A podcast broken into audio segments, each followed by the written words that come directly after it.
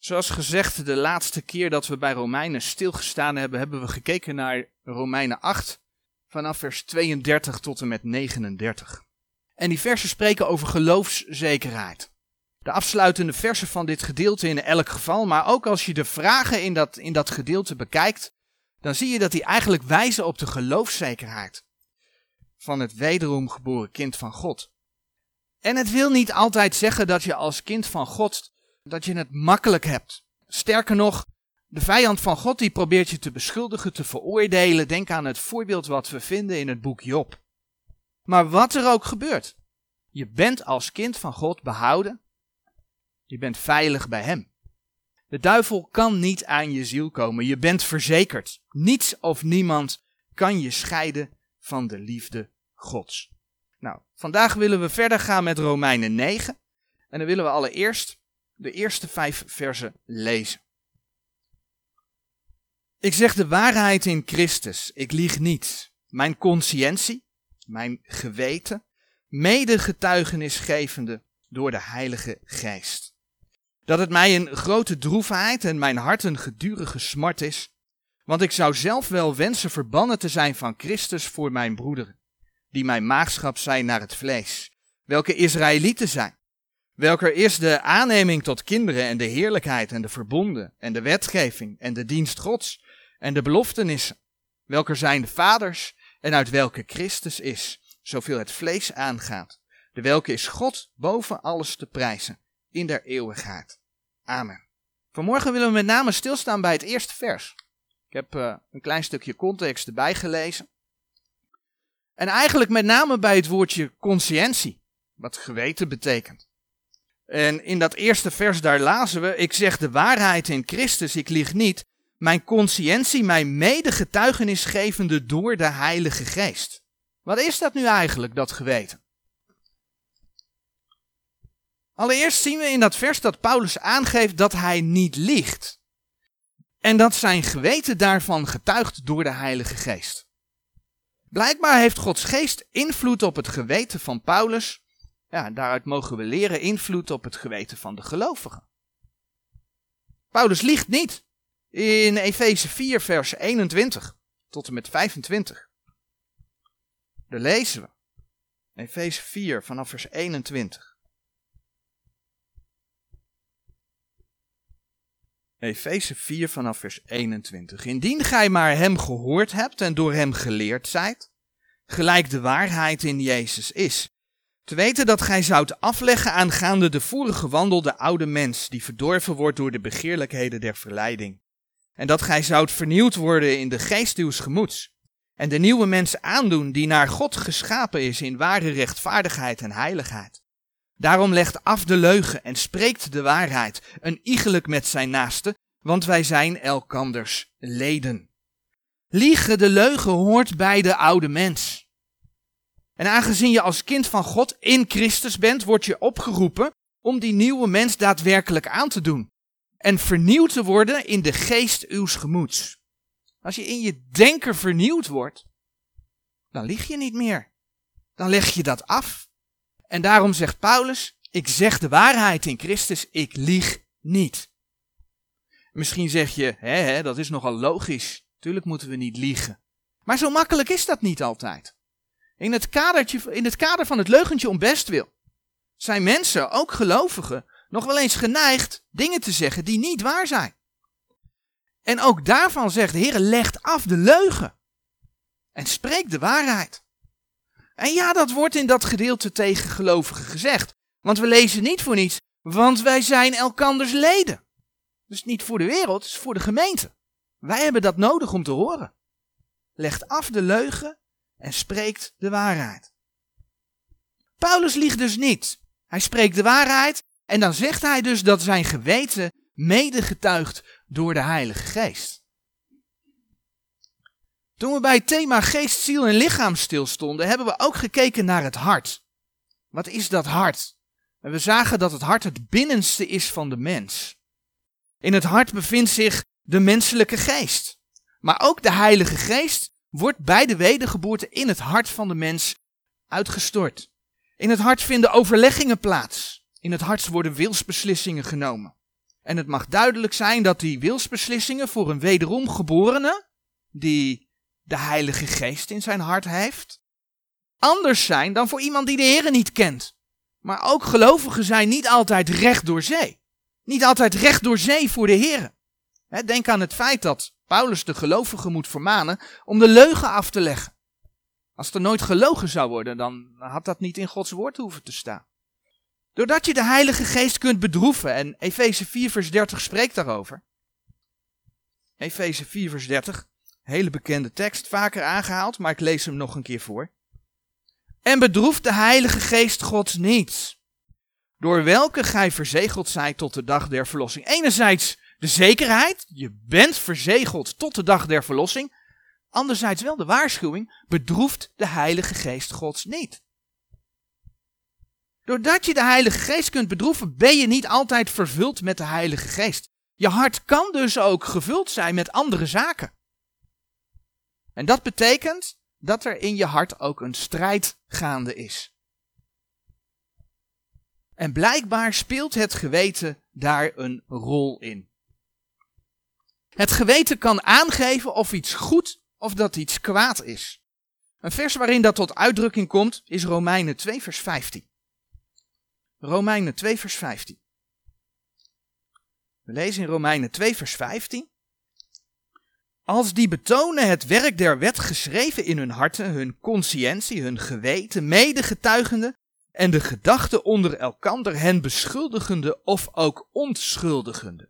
Het gaat mij er nu niet zozeer om, als je hier naar de context kijkt, dat hier sprake is van de heidenen, die door hun geweten soms toch de dingen van de wet doen, want daar gaat dat gedeelte over. Maar het gaat me er nu om dat je hier leest dat doordat dat daardoor de gedachten je beschuldigen of verontschuldigen. Dat is wat we daar lezen. Je gedachten beschuldigen of verontschuldigen. Je geweten maakt in principe duidelijk of je iets goed doet of niet. Of iets goed is of dat iets kwaad is. De kennis van goed en kwaad, ik denk dat we dat allemaal wel weten waar die vandaan komt. Die heeft de mensen ontvangen toen ze tegen het gebod van God ingingen. Toen Adam en Eva aten van de vrucht van de boom, de boom der kennis des goeds en des kwaads, staat in Genesis 2 vers 17, waar zij niet van mochten eten. En toen zij dat gedaan hadden, toen zei de Heere God in Genesis 3 vers 22 het volgende. Genesis 3 vers 22. Toen zeide de Heere God, zie de mens is geworden als onze een, kennende het goed en het kwaad. Kennende het goed en het kwaad. En daarom wordt de periode in de geschiedenis tussen de zondeval en de zondvloed, wordt wel eens de periode van het geweten genoemd. En nee, dat vind je niet in de Bijbel, dat wordt niet letterlijk zo gezegd dat na de zondeval de periode van het geweten ingaat. Maar de benaming is wel degelijk gebaseerd op bijbelse feiten. Want een mens kreeg van God een geweten en die kreeg daar leefregels bij om de Heer te dienen. In de brieven van Paulus lees je dat hij geregeld getuigt van een goed geweten ten opzichte van de Heere God. Bijvoorbeeld in Handelingen 23 vers 1. Handelingen 23 vers 1. En Paulus, de ogen op de raad houdende, zeide, mannen broeders, ik heb met alle goede conscientie voor God gewandeld tot op deze dag. Dat zegt hij dan maar even. Ik heb met alle goede conscientie, met een goed geweten voor God gewandeld tot op deze dag. En in 2 Timotheus 1 vers 3, daar zegt diezelfde Paulus, ik dank God dien ik dien van mijn voorouders aan in een reine conscientie, gelijk ik zonder ophouden uwer gedachtig ben in mijn gebeden, nacht en dag.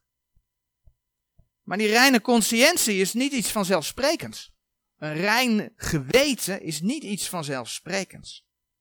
Het geweten van de ongelovige, zegt de Heer in zijn woord, is bijvoorbeeld bevlekt door de zonde. Als je naar Titus 1 bladert, vers 15, dan lees je dat. Titus, dat zit uh, voor Hebreeën. Titus, Philemon, Hebreeën. En dan lees je in Titus 1, vers 15. Alle dingen zijn wel rein de reine, maar de bevlekte en ongelovige is geen ding rein. Maar beide hun verstand en conscientie zijn bevlekt. Als het om goed en kwaad gaat, zullen gelovigen en ongelovigen dus vaak andere keuze maken. Als ik terugdenk aan het lied voor Koningsdag dit jaar, met die zin hij plus zij plus x is wij, dan waren er diverse mensen, heb ik gehoord, die dat een geweldig lied vonden. Ook mensen die zich christen noemen. Ze noemen dat lied goed. Is het vreemd dat mensen die zich christen noemen dit lied als goed kwalificeren? Nee, is niet vreemd. De afval van het geloof maakt dat het erop lijkt dat mensen hun geweten hebben dichtgeschroeid met een brandijzer, zegt Gods woord. Kijk maar in 1 Timotheus 4 vers 2. 1 Timotheus 4 vers 2. Door geveinsdheid der leugensprekers hebben hun eigen conscientie als met een brandijzer toegeschroeid. Als je de context leest, dan lees je dat het over religieuze mensen gaat, die dus valse leringen volgen.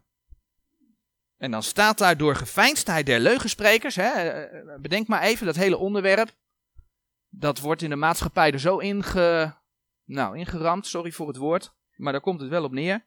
Mensen gaan het normaal vinden.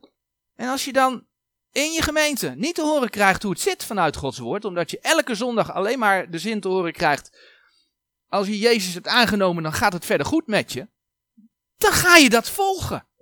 Want dan denk je, we moeten lief zijn voor elkaar. God is toch liefde? Maar de Heere zegt, door geveinsdheid der leugensprekers hebben de hun eigen conscientie als met een brandijzer toegeschroeid, dichtgeschroeid. Geen keuze meer kunnen maken tussen goed en kwaad. Niet het verschil zien. Maar wederom geboren gelovigen, die zien hoe hier gemorreld wordt aan het Bijbels mensbeeld. Hoe hier gemorreld wordt aan wat de Heere God zegt over relaties. Ja, en hoe ga je dat lied dan noemen? Als je dat ziet, dan ga je dat lied kwaad noemen. Keuze tussen goed en kwaad. En zo vindt er een verschillende beoordeling plaats omdat het geweten van de ongelovige bevlekt is. Of van een afvallige gelovige dichtgeschroeid is. Waardoor het afwijkt van Gods woord. Maar ook voor de wederomgeboren gelovige is een reine conscientie niet vanzelfsprekend. Ook als gelovige zondig je nog steeds. En die zonde kan je geweten beïnvloeden. In uh, eh, 1 Timotheus 1 vers 19 staat daar een mooi voorbeeld van. 1 Timotheus 1 vers 19. Houdende het geloof en een goede conscientie, welke sommigen verstoten hebbende van het geloof schipbreuk geleden hebben. Je kunt een goed geweten dus verstoten. En laten we wel zijn, als jij zondigt, de eerste keer voel je je schuldig. Dat je zondigt. Maar als je het niet beleidt en niet nalaat, dan ga je dat op een gegeven moment ga je minder schuldig voelen. Bij een tweede keer en een derde keer, dan voel je je steeds minder schuldig. En na verloop van tijd voel je misschien wel helemaal niets meer. Je gaat het normaal vinden. als we bijvoorbeeld aan dat voorbeeld van vandaag denken, het leugentje om best wil. Dat is misschien wel zo gewoon geworden dat je niet eens merkt dat je jezelf onterecht probeert goed te praten. Het gaat op een gegeven moment automatisch. En dat heeft dus met het bevlekt zijn en zelfs dichtschroeien van dat geweten te maken. En daar moeten we als gelovigen alert op zijn. En daarom zien we dat Paulus, om dat goede geweten ten opzichte van de Here te houden, aangeeft dat hij zich daarin oefent. In Handelingen 24, vers 16 zegt hij daar het volgende over. Hij verdedigt zich daar tegenover Felix. En dan zegt hij in Handelingen 24, vers 16.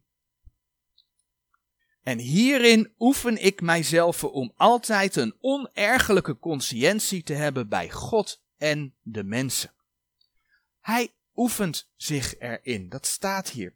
Maar ook zien we dat dat niet alleen is ten opzichte van de Heere God, maar ook ten opzichte van mensen.